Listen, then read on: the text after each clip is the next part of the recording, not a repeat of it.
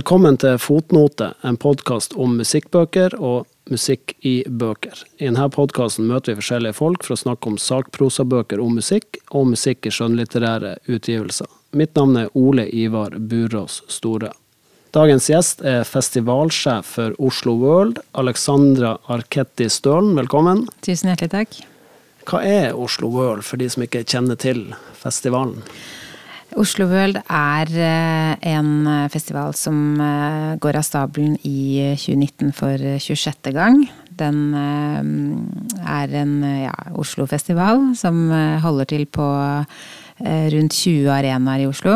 Og presenterer musikk fra hele verden i alle sjangere.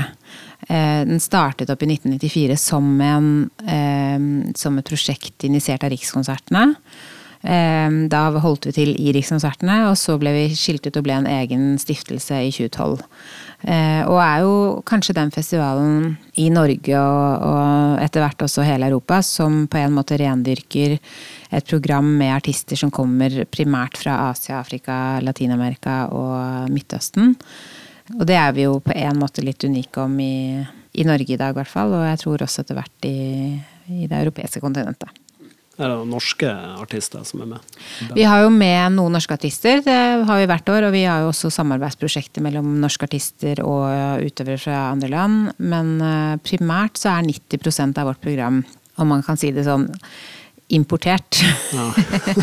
og så er 10% lokalbasert. Så vi har et uh, relativt lite program som er norsk, men vi har allikevel de som spiller hvert eneste år, er jo igjen musikere som på en eller annen måte har et internasjonalt tilsnitt. Trenger ikke å være Ja, det er alle sjangere og alle um, uttrykk, og man kan selvsagt være helt norsk. Du kan spille hardingfele, eller du kan spille djembe, eller du kan spille hva som helst, eller synge. Så det er world music, det, det er en bred eh, definisjon? Det er jo det vi har gått bort fra, vet du. Vi har gått bort fra world music-begrepet. Vi het jo Oslo World Music Festival frem til 2017. Eh, og i 2017 så byttet vi navn til Oslo World, og det er mange grunner til det. Men en av hovedgrunnene er jo at eh, world music-begrepet er et ganske lite dekkende begrep for det vi presenterer i dag. Det er jo ikke en sjanger i det hele tatt, men det har jo blitt behandlet som en sjanger. holdt jeg på å si. Det har jo vært en sjanger i, hylla på, på, platebutikken. ikke sant? At man har vært og lett etter world music, og så er det hva er det, liksom. Og i Norge så er world music vært kanskje sånn Salif Keita, Nusrat Fatah Ali Khan, Dittats, forskjellige artister. Mens hvis du drar til Paris, så er jo world music-seksjonen like så godt eh, Det kan godt være Sondre Lerche og Madrugada, på en måte. Ja. Så world music er på en måte ingenting. Men det var viktig på 80-tallet for å liksom beskrive musikk man ikke visste hva var for noe. Man visste ikke helt hvor man skulle båsette det. Så lagde man den taggen egentlig mer som en sånn markedstiltak, tror jeg. Så det har vi gått litt bort fra, for jeg tenker at liksom det vi gjør, er å presentere musikk fra hele verden i alle sjangre. Så det kan være jazz, pop, rock, eh, elektronika, tango, salsa, flamenco, hva som helst. Eh, og fra veldig mange forskjellige land. Hvordan holder dere dere oppdatert på musikk? Hvordan følger dere med på et så stort spenn? Eh, altså Nå er det jo lettere kanskje enn det var for 15 eh, år siden. Fordi eh, vi har jo internett. Ja. så det er jo klart at det har gjort jobben min, eh, min, veldig mye lettere enn jobben til hun som var sjef før meg. Mm. Men du, det er jo ikke alt som ligger på internett. Og det er, som, det er absolutt ikke alt vi presenterer som ligger på Spotify og de strømmetjenestene som man kan liksom laste ned en del musikk på. Så det blir jo en kombinasjon av veldig mange forskjellige måter å få, få, få musikk til seg, egentlig. Man må reise litt ut, og aller helst reise noen turer ut i, i, utenfor Europa eller utenfor de mer mainstream festivalmessene og sånt, for å få litt mer innblikk i, ja, i musikk fra regioner hvor man kanskje ikke er så oppdatert. Jeg var f.eks. For, for noen år siden i Mexico på en messe der, og da mange av de artistene som kom dit, kommer fra Peru, Bolivia, en del land som egentlig har vært litt utenfor radaren når det gjelder latinamerikansk musikk. Eh, og så er det jo klart at man, Vi er jo medlemmer i ulike nettverk, og så vi deler jo en del artister og tips og, og ja, sånt der. Så du har ei kvalitetssikring? Ja. ja. Men det er viktig å se ting live, da. Ja, for nå kan jo alle sitte hjemme og legge ut en låt på nettet, men når du skal ha det life-mat, må du Ja. Jo, det, er, det er ikke mange ganger at vi har brent oss på det, men det er noen ganger at vi har booket ting vi syns hørtes kjempekult ut på nettet, og så har vi, ikke, har vi tenkt at ja, men det er jo bare en klubbgreie, det går sikkert helt fint, og så kommer de til Norge, og så er det litt krise. litt krise det har skjedd et par ganger. Men stort sett så har vi artister på så høyt nivå med såpass mye bagasje at eh, ja, det er, det er et veldig lite problem for oss akkurat da. ja. Hva kan vi forvente oss av årets festival? da? Altså, årets festival er jo viet til Utopia. Ja, det så jeg. Dere har et tema. Ja. Så det er jo kjempespennende. Det å kaste seg inn hvert eneste år i et nytt eh, tema er jo i seg selv en slags eh, gave. Vi åpner jo festivalen med Utopia. Utopian Lullabies, som er en eh, hyllest til utopiske voggesanger, kuratert av Rossi de Palma, som er en stor skuespillerstjerne fra Spania. Og har da åtte sangere fra hele verden som skal gi oss sine beste låter. Det er kanskje liksom en av høydepunktene, men så har vi jo veldig mange artister som på en eller annen, en eller annen måte vil være knyttet opp til tematikken utopi, dystopi. Og det er jo veldig mye, mye som ligger i akkurat det. Dette med utopiske samfunn i en tid hvor vi kanskje ser at verden er i endring, og at man har jo veldig mye fokus på klima, migrasjon, eh, sånne store verdenskriser. Men at man kanskje også da samtidig kan eh, tenke at musikk har en eller annen legende effekt. At man har musikken som en slags medisin mot dystopia, på en måte. Altså, det er liksom kanskje litt det vi skal fokusere på i år. Man kan jo ikke overleve på musikk og kultur, men det er jo en veldig viktig del av livene våre. Og når det kommer til f.eks. Eh, voggesanger, så er jo det noe som er med oss uansett hva slags livssituasjon vi er i. Og har du flyktet fra krig, og du har barnet ditt på fanget og skal legge deg i et telt i en flyktningleir, så synger du en voggesang for det barnet. Det er akkurat som jeg gjør det på Marienlyst, hvor jeg bor.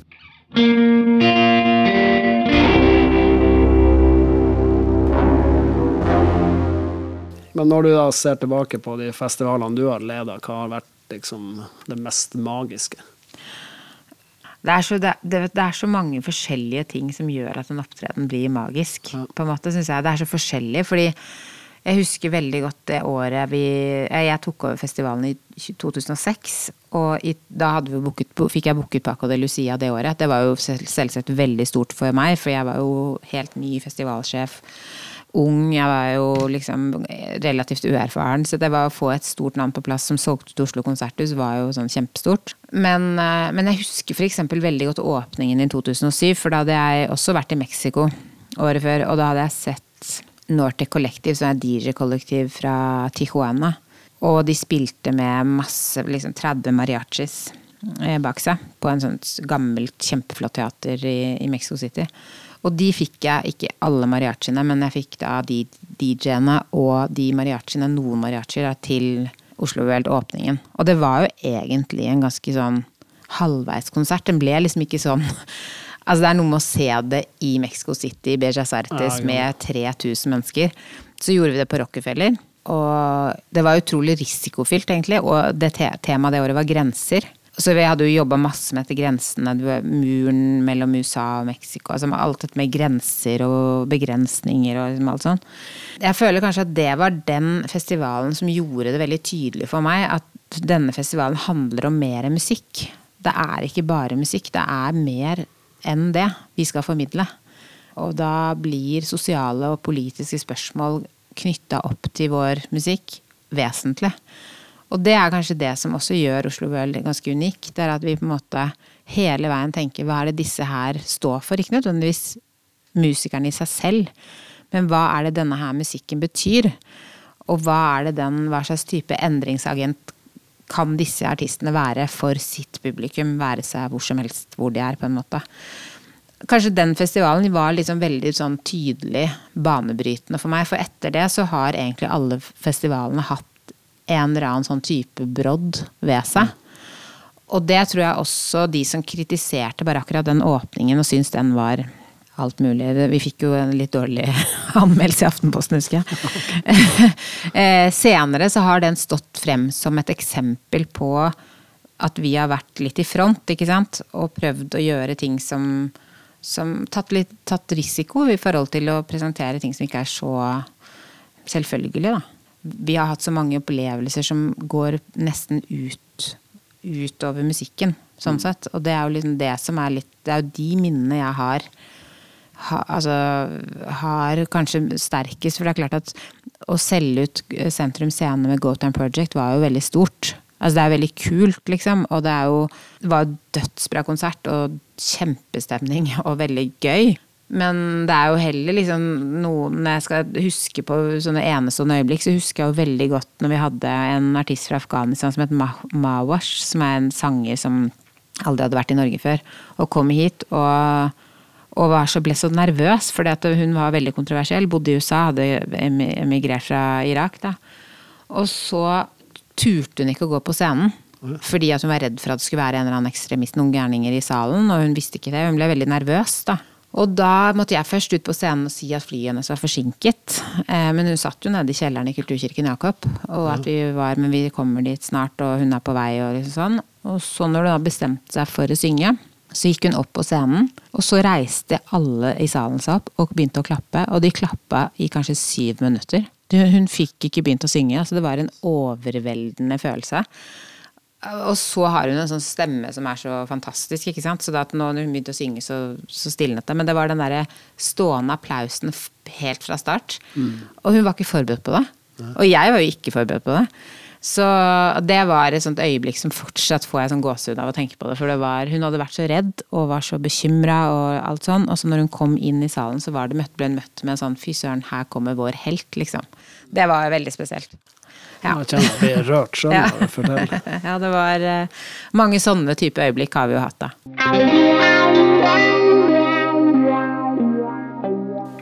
Du har med deg en eh, tegneserie til fotnote. 'Kylling med svisker' av Marianne Satrapi.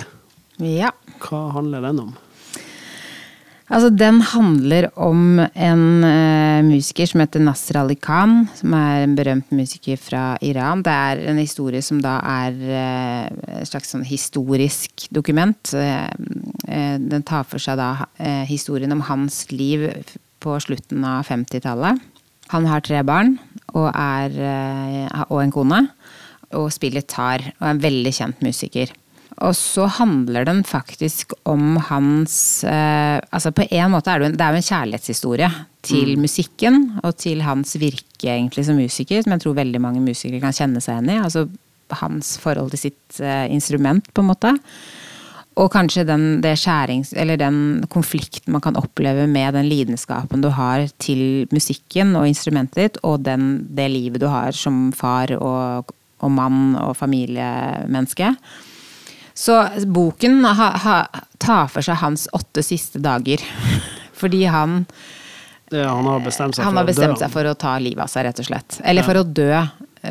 Ja, slutte å, å leve, egentlig. Mm. Og dø en naturlig død ved å slutte å, å leve.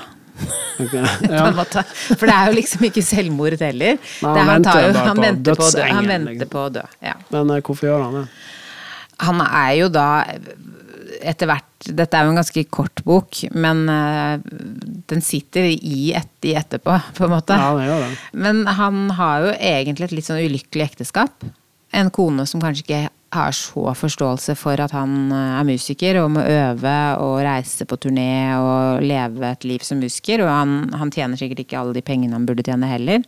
Så i en eller annen krangel så knuser hun instrumentet hans. Og det er et instrument som er uerstattelig et unikt instrument som har en affeksjonsverdi og en ja, utover all fatning. Og det gjør jo for det første at han aldri mer kan forholde seg til kona si. Og, og for det andre at han bestemmer seg for at det her er ikke noe har han ikke noe mer å leve for. Og det er jo litt spesielt når du har tre barn, på en måte. Men, ja. men, det er det som er grunnen da, til at han bestemmer seg for at nå, nå har han ikke noe mer å å, å leve for. Han prøver vel å finne en ny uh, tar. Han er også en uh, musikkforhandler en tre-fire ganger, men får ikke lyden til å stemme. Og så reiser han til en en slags skraphandler uh, litt uh, utafor, eller nordøst i Iran. Og der finner han jo faktisk en tar med den lyden han vil ha, men når han kommer hjem og skal spille på den, så, så er ikke den lyden til stede lenger. Nettopp. Det er vel ikke taren som er problemet her. Nei, og det er jo det som, man ikke helt, som ikke blir helt uttalt i boken. Eh, hva, på en måte hva som er hva. Men det har jo med en inspirasjon og en livsglede og mye mer enn at det ene instrumentet ble knust. Altså, det er jo på en måte sånn som kan skje.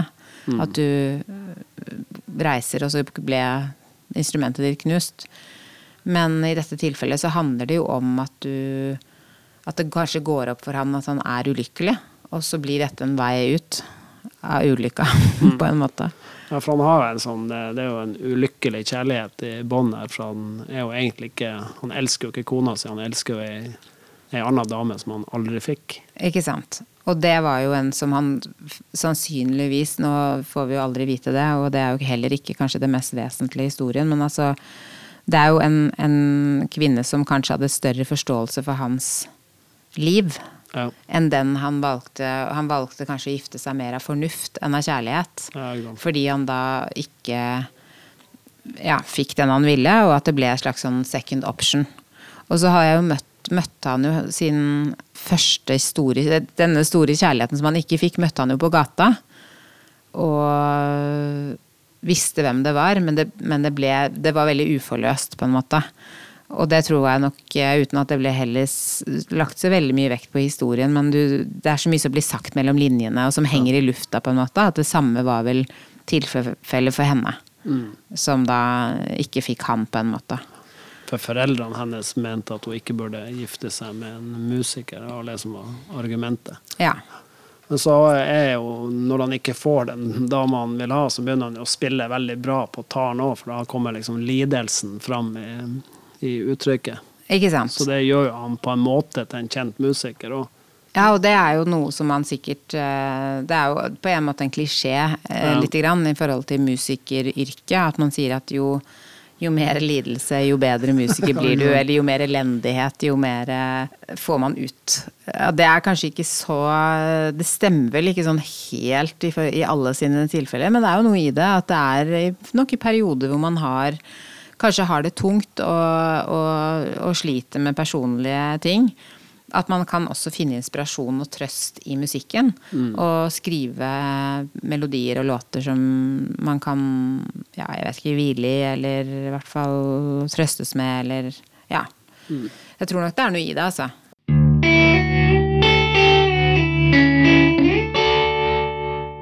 Hva slags instrument det er tar?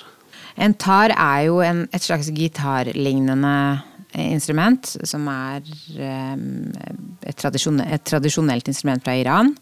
Men det spilles jo i hele den regionen, altså Georgia, Aserbajdsjan, altså rundt omkring i Kaukasus-området. Og det er, har en, sånn lang, en veldig sånn lang hals og en ganske sånn feminin kropp, faktisk. Altså en sånn slags sånn Gitaren er liksom flat og ganske stor. Den er litt, mer, litt smalere og har et slags liv. Sånn midje, på en måte. Ja. Og så litt sånn litt mer fro, sånn former, holdt jeg på å si. Men det er jo en, slags gitar. En, en, gitar med en lang hals, kan man si. Men uh, hvordan lyd lager den? Har du Jeg må innrømme, jeg har aldri hørt det tar bli spilt. så... Nei, altså det er jo Hva slags lyd Det er så mange strengeinstrumenter, på en måte, så det er jo ikke, er jo ikke en gitar. Nei. Men det er jo et strengeinstrument. Sånn at du kan si at hvis man har hørt od Det er jo en litt annen lyd enn en gitar. Mm. Er, men jeg vet ikke helt hvordan jeg skal beskrive det. Men det er jo et strengeinstrument, sånn at det er i den familien, på en måte. Ja. Men jeg vil kanskje si at den er litt nærmere en od enn en gitar. Sånn i lydbildet, kanskje. Har du hatt noen eh, band eller artister på Oslo World som har spilt tar? Eh, ja, det har vi jo, men det er faktisk ganske lenge siden. Og det er noen eh, veldig bra musikere som, eh, som vi har vurdert egentlig ganske mange år, som vi ikke har fått i Oslo enda, men som er veldig sånn store stjerner. Det er jo det som er med noen av de her iranske eh, stjernespillerne som Det blir jo nesten som Yo-Yo Ma, på en måte. Altså det er sånne veldig store klassiske stjerner. Eh, så må det klaffe med, med kalendere og honorarer og, og, sånn. Men det er noen veldig bra musikere som vi har liksom, på blokken som vi ikke har fått ennå hit. Mm. Men eh, historisk sett så har vi jo hatt det, men det er ganske mange år siden nå. Tittelen 'Kylling med svisker', hva, hva ligger den? Kylling med svisker, det, det er jo en, en uh, matrett. Altså en, en, Hva skal man si Veldig sånn tradisjonell gryterett fra Midtøsten, vil jeg tro. Altså er, jeg føler bare at jeg har spist veldig mye sånn kylling med svisker når jeg har vært rundt omkring i Libanon og Tyrkia. Det er et eller annet med det derre søte sviske Eller plomme, det trenger ikke være akkurat Men altså plomme, sviskesausen, liksom. Og kyllingen som er ganske lett. Et lett kjøtt. Så, så det er en, en, gryterett. Så det her er jo da den beste maten Altså det er favorittretten hans som kona hans lager. Altså han konen som han ikke elsker. Eh, og det er hennes på en måte siste eh, forsøk på å holde han i live, er jo å lage mat til han. Ja. sånn, tol sånn, tolker jeg det i hvert fall, da. Vi kan jo røpe at hun ikke lykkes, for det ja. kommer ganske tidlig fram i ja. boka. Jeg syns jo eh, den jo, eh, den er jo litt morsom òg, spesielt den der eh, når barna er involvert. Når han reiser til den skraphandelen for å liksom det siste forsøket på å finne en ordentlig tar, så har han jo med seg sønnen, som jo driver hele bussen til vanvidd på, på veien opp. Og så um, sitter han Nasser Ali Khan og røyker opium med, med skraphandelen mens ungen sitter på sida og spiser godteri og leker. Og så er det veldig artig når han skal reise derifra, så får han en liten bit opium fra skraphandelen som han, han, mener han kan bare blande det ut i varm melk og gi til ungen, så blir ungen å sove som en stein på turen hjem.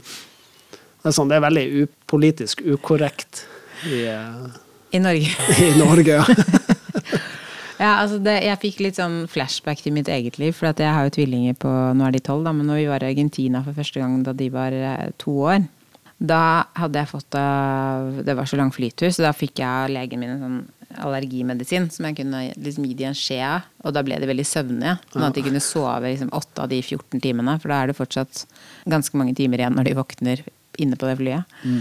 Men så på vei tilbake så hadde jeg ikke den jeg hadde, den, der, den flasken var så stor, sånn at um, jeg måtte ta det, Du kan ikke ha med 100, mer enn 100 milliliter inn på flyet, ikke sant? Det var håndbagasjen. Så da var mannen min så stressa, så han tok en sånn Underberger-flaske og skylte den bare på doen på, inne på, på, flyplassen. Og fylte oppi den. Så når vi satt på flyet og skulle gi ungene den der allergimedisinen, så satt vi med hver vår ettåring og dytta i de Underberger. Men det var jo ikke det. Og det var jo veldig komisk for de som var på flyet. For de tenkte bare oi, hva er det med de foreldrene der? Og så sånn sov jo unga i ti timer.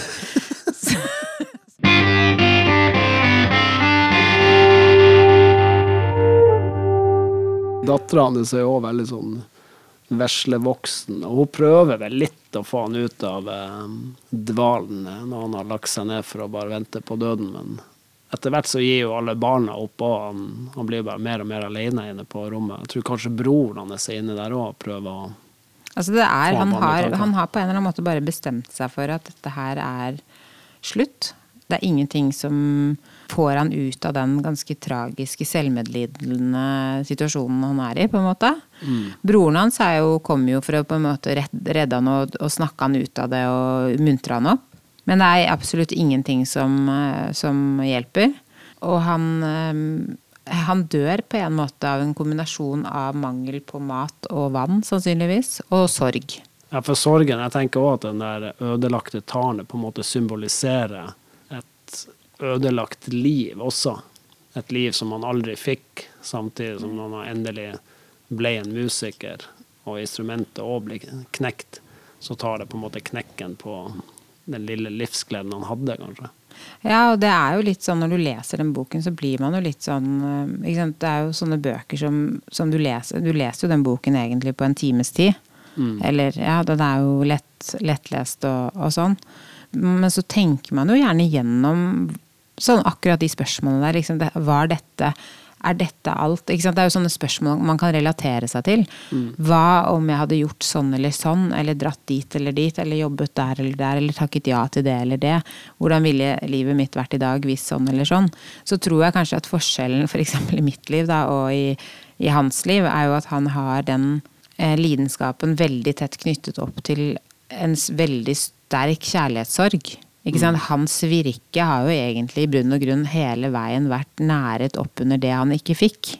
Og så tar det slutt. I form av at han ikke har noe å spille på mer. Og så da har han ikke noen flere strenger å spille på i det hele tatt. Nei. Det er jo det som gjør denne boken så Det er så enkelt fortalt, men på en så komplisert og kompleks måte. Og med så mye grunnleggende livsfilosofi, på en måte, imellom en sånn liten blekke som det er. Hva syns du om streken her? Det er ganske sånn enkle sort-hvitt-tegninger. Altså, den er veldig levende. Mm. Det er veldig enkelt, men det er veldig levende bilder allikevel. Og veldig, hva skal jeg si um, minimalistisk samtidig som den er veldig sånn uh, Den er nesten litt sånn filmatisk, på en måte. Den Ja, er den er nesten ikke- som en sånn slags tegnefilm. Det er ikke så mye detaljer i bildene, men det er mye tekst og Ja, og så er jo hun uh, Satrapi er jo kjent for den uh, boken Persepoli. Ja, som er en er annen det. bok, og det er jo kanskje den hun er mest kjent for, egentlig. Mm. Som også er en tegneserie. I Frankrike ble den gitt ut som fire bøker om hennes liv i Iran. Så hun er jo, dette er jo temaer eller noe hun har vært veldig opptatt av hele tiden. Du har ikke eh, vokst opp med å lese tegneserier, da? Hvordan dukka din leseinteresse opp?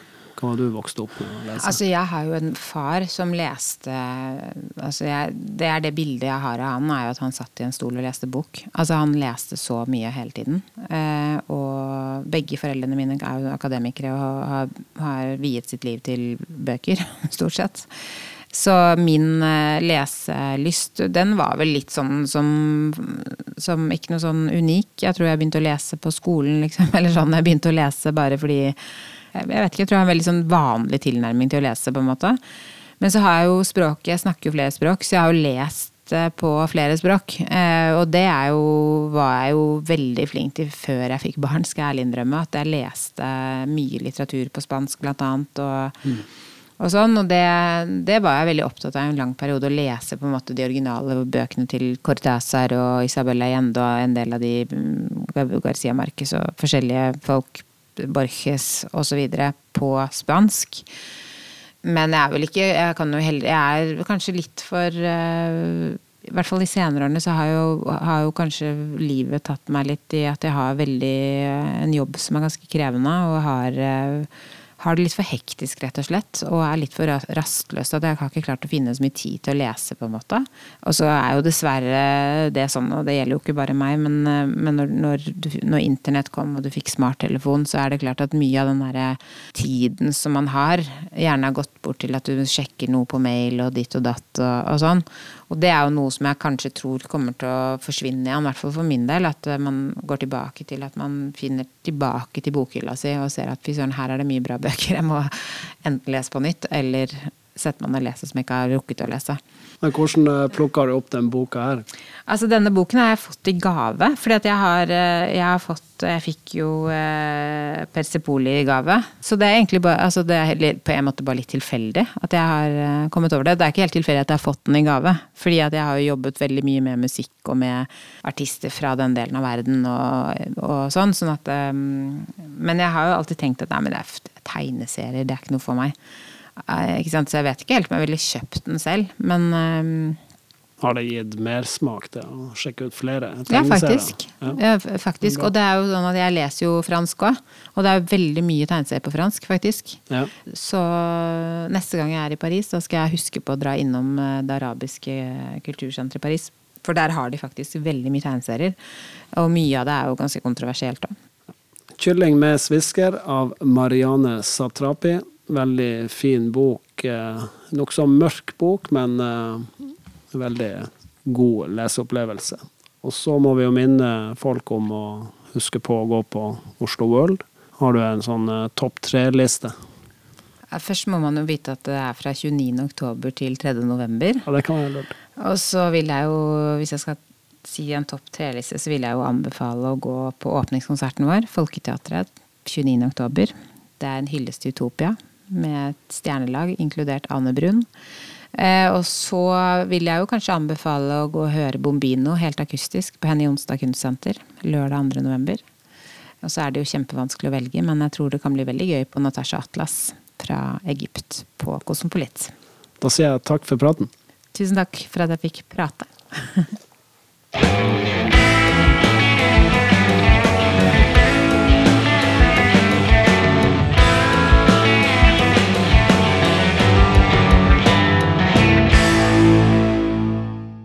Fotnote presenteres av musikknyheter.no og er laga av Ole Ivar Burås Store. Jingles av Jan Roger Trønnes. Intro og redigering av Raymond Jensen. Les mer om fotnote, gjestene, bøkene og artistene på musikknyheter.no.